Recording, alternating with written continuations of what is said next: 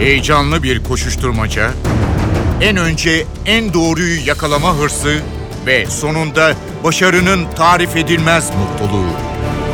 Manşetlerin perde arkası, habercilerin bilinmeyen öyküleri muhabirden de. Muhabirden şimdi başlıyor.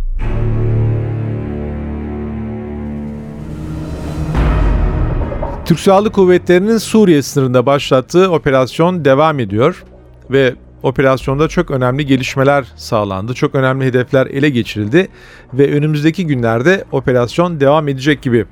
Bu tür çatışmalar ve operasyon bölgeleri gazeteciler, muhabirler ve kameramanlar için yepyeni bir çalışma koşulu oluşturuyor. Hem beraberinde getirdiği riskler var, hem bir yandan haber aktarmak durumundalar, bir yandan da kendi can güvenliklerini sağlamak zorundalar. Dolayısıyla zor bir çalışma koşulu her zaman gazeteciler için söz konusu.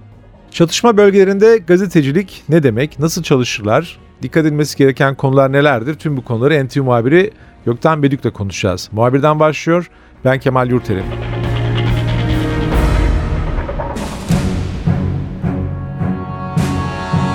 Gökten Suriye sınırından yeni geldin. Gelişmeleri NTV ekranlarından aktardın. Yine oradaki muhabir arkadaşlar da son gelişmeleri aktarıyorlar. Ben seninle e, bu çatışma bölgelerindeki gazetecilik hakkında konuşmak istiyorum. Çünkü e, muhabirler bu tür çatışmalar olduğu zaman daha farklı bir konuyu takip etmek zorunda kalıyorlar. E, çünkü saldırı riski var. E, mermisi isabet edebilir. E, Türk Silahlı Kuvvetleri operasyon sürdürüyor. E, karşılıklı çatışmalar zaman zaman yaşanıyor. Dolayısıyla böyle bir bölgede gazetecilik daha ilginç ve daha e, özellikli bir hale geliyor. Öncelikle bu bölgede çalışma koşulları nasıldır bu tür bölgelerde e, Suriye sınırından e, yola çıkarak değerlendirecek olursan. Zor tabii ama gazetecinin fıtratında var. Hiç beklenmedik anlarda hiç beklenme, beklemediğin görevlere gidebiliyorsun. Bunun için tabii ki evde bir hazırlığım vardır benim. Her zaman işte eşyalarım vesaire hazırdır. Ama bir gün önce aslında Rusya'ya gidecektim. Sibirya'ya gidecektim. Gazprom'un bir Gazprom'la ilgili bir haber vardı Türk akımıyla. Gideceğim yerde Novi Urengoy diye bir yerde Sibirya'da ve pazar sabahı oraya gitmek için bilet alınmıştı. Ona uygun hazırlık yapmıştım. İşte kalın kalın kıyafetler almıştım. Bana cumartesi akşamı telefon geldi. İki ay öncesinden vizeler alınmıştı. Oraya gidecektim. Dediler ki hayır oraya gitmiyorsun. Yarın sen kilise gidiyorsun. Bir anda şaşırdım kaldım tabii ne yapacaksınız ama sonra diyorsun ki kendi kendine evet yani her an her şey olabilir. Gazeteciliğin fıtratında var bu. İşte orası için hazırladığım o kalın kıyafetleri vesaire bavulun içine doldurup gittik. Şimdi bu hava koşulları zaten baktığınız zaman bir gazeteci için e, en son düşüneceğiniz e, olaylardan biri. Ama sürekli yayın yaptığınız zaman ön sıralara gelebiliyor. Tabii bizim derdimiz, asıl derdimiz çatışma bölgelerinde kurşun, mermi e, veya havan atışı gelir mi? Şimdi bölgeye gittiğiniz zaman özellikle şu anda da hala devam eden en büyük sorun hem gazeteciler için hem Kilis'te, Reyhan'da yaşayanlar için roket. Ortalama 20-30 kilometre menzilli Katyusha Grad füzeleri atıyorlar. O füzelerin bazıları patlıyor patlamıyor. İçlerine zaman zaman misket bombası dediğimiz bombalar da koyuyorlar. Yani etrafa saçıldıktan sonra da hala tehlikelere devam eden roketler. Oraya gittiğim zaman beni en çok sıkıntıya sokan, en çok gerildiğim nokta roketler oldu. Hatta şöyle söyleyeyim ilk iki gün otelimizin kaldığım odanın cephesi güneye bakıyordu. Yani Afrin yönüne bakıyordu ve üçüncü kattaydım. Sabaha kadar uyuyamadım. Ya bir de hani kilisler için kendinizi kilislerin yerine yani koyarsanız. Hem uyuyamadın hem de otelde kalmaya devam ettin anladığım kadarıyla bu arada. Mecbursunuz. Yani şimdi mecbursunuz derken tabii ki yöneticilerimiz bizi arayıp şöyle söylüyor. Can güvenliği için Hatay'a git e, veya işte Antep'te kalabilirsin Gaziantep'te diyebiliyorlar. Ama bir haberden uzak kalıyorsunuz o sırada. Çünkü roket düştüğü zaman yayın yapıyorsunuz. İki e, bir yandan da şöyle diyorsunuz. Kiliste çoluk çocuk insanlar işte e, hayatlarına devam ediyorlar. Bir yandan da kendinize de yediremiyorsunuz. Yani kalkıp orada Gaziantep'te kalıp daha uzakta bir noktada kalmayı haberi seçtiğin anlaşılıyor. Yani e, oteldeki odanı değiştirmişsin ama oteli değiştirmemişsin. E, bu örnekte bir şey sormak istiyorum. Belki de e, dinleyenler de merak ediyordur. Şimdi bu Katyusha veya işte bir takım benzer roketleri atıyorlar. E bunlar belli bir hat üzerindeki hedeflere mi isabet ediyor yoksa hani her zaman e, atıldığı yerden tam 30. kilometredeki bir yerleşim yeri içerisindeki bir hat üzerindeki evlere mi isabet ediyor yoksa bunlar hani derinliği değişiyor mu? Yani bir gün kilisin e, çok daha uç bir noktası, biraz daha e, bir gün biraz daha sınıra yakın bir nokta falan fark ediyor mu yoksa atıldığı yer açısından ne ifade ediyor bunlar? Şimdi benim gözlemlediğim kilis büyük bir şehir. Merkezi tutturmaya çalışıyorlar. Ee, ve merkeze de denk geliyor. Ama bu füzeler senin benim bildiğim anlamda bu filmlerde gördüğümüz veya daha önce savaşlarda Amerika'nın kullandığı işte Tomahawk gibi füzeler değil. Yani sofistike füzeler değil. Zaten düştüğü zaman bazıları patlıyor bazıları patlamıyor. Ama maalesef can kaybına yol açıyor patladıkları zaman. Özellikle kiliste hayatını kaybedenler Reyhan da en son 17 yaşında bir genç kızımız hayatını kaybetti. Benim anladığım kadarıyla kamyonların arkasına rampalar var. Bu kamyonlarla geliyorlar. Yani o zaman mesafeyi kendileri ayarlıyorlar. Tabii ki önemli olan Türk Silahlı Kuvvetleri'nin ne kadar ilerleyeceği Özgür Suriye ordusuyla ilerledikçe daha fazla köy köy ele geçirildikçe bu menziller de kısalacaktır diye düşünüyorum. Aynısı Fırat Kalkanı'nda olmuştu ve köyler alındıktan sonra ele geçirildikten sonra DAEŞ'ten DAEŞ bir daha kilise füze atamamıştı. Bildiğim kadarıyla 90 tane füze attılar Fırat Kalkanı zamanında. Şimdi de 30'u geçti diye biliyorum füzelerin sayısı. Yani bu biraz da şeye bağlı. Türk Silahlı Kuvvetleri'nin e, ne kadar sürede ne kadar ilerleyeceğine bağlı Özgür Suriye ordusuyla. Ama bu füzeler dediğim gibi öyle çok akıllı, çok sofistike füzeler değil. Ortalama bir menzil var. Kamyonuna geliyor. Fırlatıp atıyor. Kamyonuna gelmesinin nedeni de şu. E, TSK'nın en, envanterinde şey var. Hedef tespit radarları. Anında atışlar yapılıyor. Çok namlu roket atarlarla veya topçu atışları yapılıyor.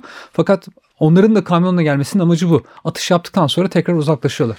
Mevcut teknolojiyle bunların tespit edileceği belki düşünülebilir ama birincisi bunlar böyle sukut füzeleri vesaire gibi değil. İşte Patriot'lar, bir takım silah sistemleri bu tür füzeleri havadayken imha etmeye yönelik ama bunlar küçük çapta ve dediğin gibi her yerden mobil e, bir takım ünitelerden fırlatılan roketler.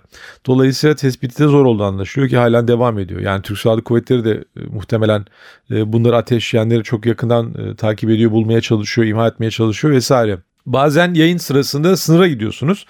Ee, çatışma bölgelerindeki gazetecilik her zaman operasyonu yürüten birliklerde işbirliğini gerektirir. Yani siz onların nerede olduğunu bulmaya çalışırken onlarla karşılaştığınız zaman da sizin çalışma koşullarınızın da bir anlamda e, belirlenmesi lazım. Çünkü yanaştırmayabilirler veya onların operasyon yapacağı hat içerisine girebilirsiniz vesaire. E, bu konularda bir temasınız var mı? Yani size sahada herhangi bir yetkili size e, bir yardımcı oluyor mu veya bir irtibat e, açısından yardım eden var mı? Var evet e, olması lazım zaten. Öbür türlü can güvenliğiniz kesinlikle tehlikeli olur. Yani şimdi artık eskisi gibi değil gazetecilik. Özellikle Körfez Savaşı'ndan bu yana bir, bir yere embedded olman gerekiyor. Yani olmazsan zaten sahada kesinlikle can güvenliği söz konusu olamaz. Bize özellikle Basın Yayın Enformasyon Genel Müdürlüğü bizim için Öncü Pınar'da sınır kapısında bir basın bürosu kurdu. Bu basın bürosunda bize bilgilendirmeler yapıldı ve e, şöyle bir örnek vereyim. Azeze yani çatışma bölgesine çok yakın bir noktaya bizim için zırhlı araçlar tahsis ettiler. Kilis Emniyet Müdürlüğü'nden ve özel harekatçılar da, özel harekat polisleri de bize çatışma bölgesine nasıl davranacağımız konusunda bilgiler verdi. Hem araçlarımız zırhlıydı hem de bizim zaten standart kullandığımız zırhlı çelik yelekler var biliyorsun. O çelik yelekler bazılarının farklı oluyor.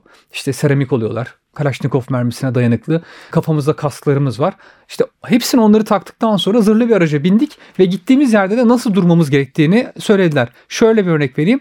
Bizim gördüğümüz noktadan e, bu hep bahsettiğimiz bir kuleler vardır. Beton koruganlar. Bu YPG'li teröristlerin inşa ettiği 3-4 ayda.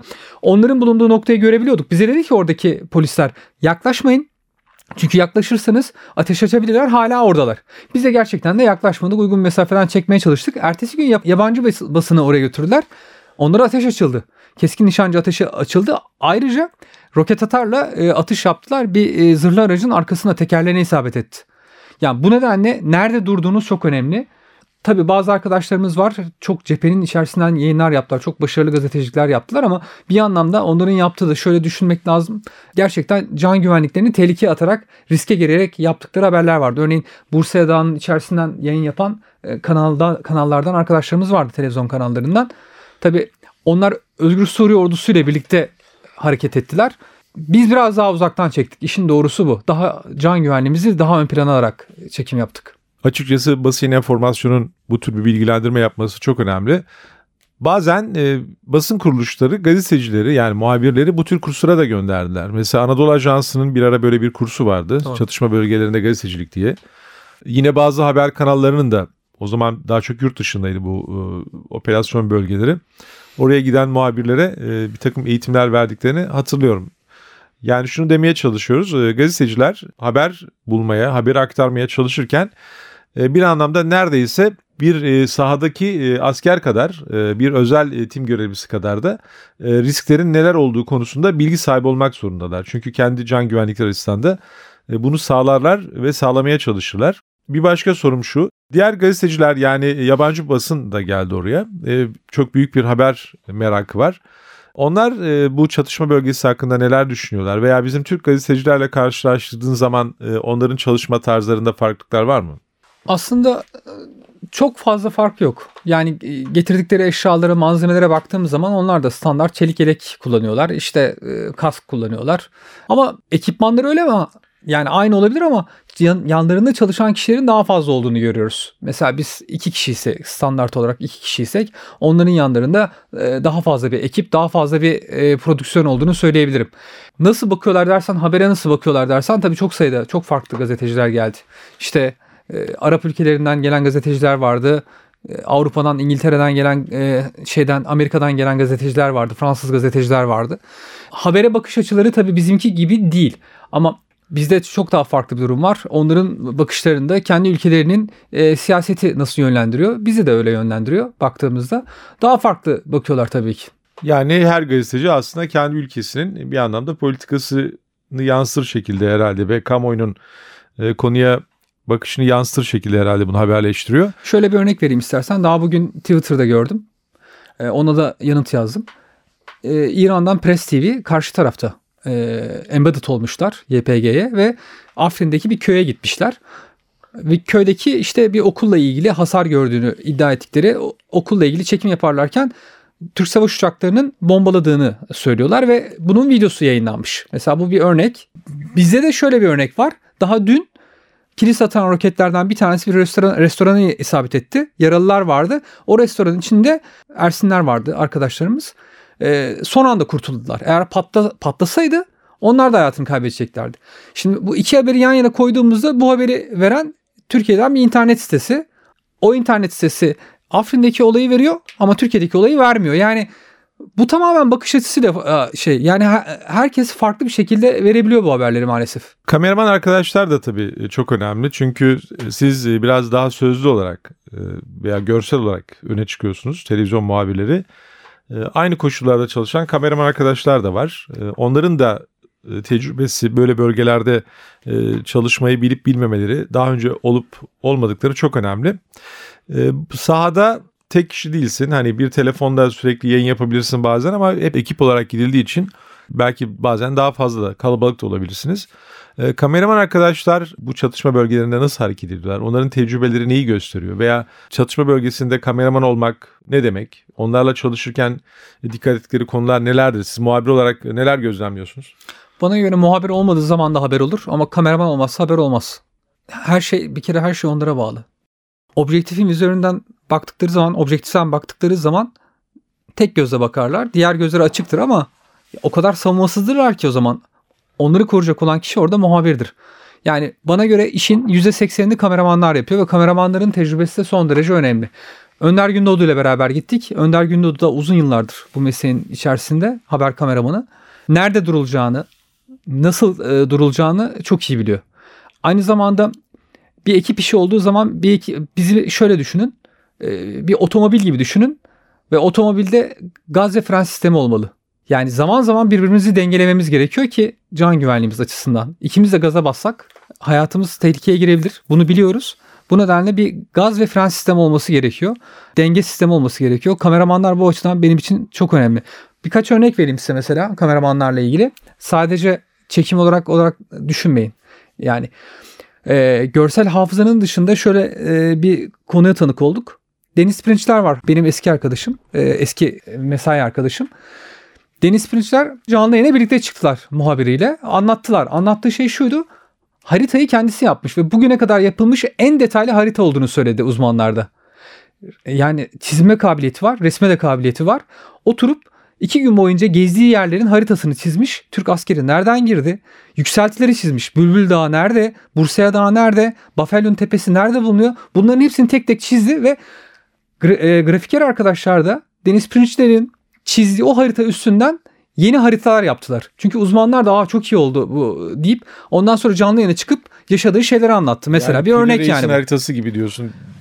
Deniz'in de böyle bir haritası mı var? Evet aynen böyle. Deniz'in bir haritası var. Ee, çok iyi bir haber kameramanıdır, kameramanıdır kendisi. Biz orada buna tanık olduk. Yani bu tabii bir uç bir örnekti ama söylediğim gibi kameraman varsa haber vardır. Muhabir olmasa da o an kameraman olsa orada o haberi çeker. Gökten çatışma bölgelerinde gazetecilik konusunda çok önemli bilgiler verdin. Zaten Suriye sınırından e, yeni geldin. Hem oradaki gelişmeleri aktardın hem de e, böyle bir sınırda çok sıcak çatışmaların sürdüğü bir yerde e, muhabir olmak ne demek, kameraman olmak ne demek senin notlarından daha iyi anlamış olduk. Çok teşekkürler.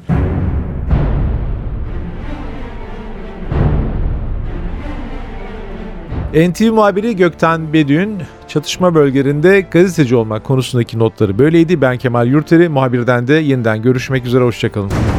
Haber için değil de haberin hikayesi için şimdi onlara kulak verme zamanı. Muhabirden NTV Radyo'da.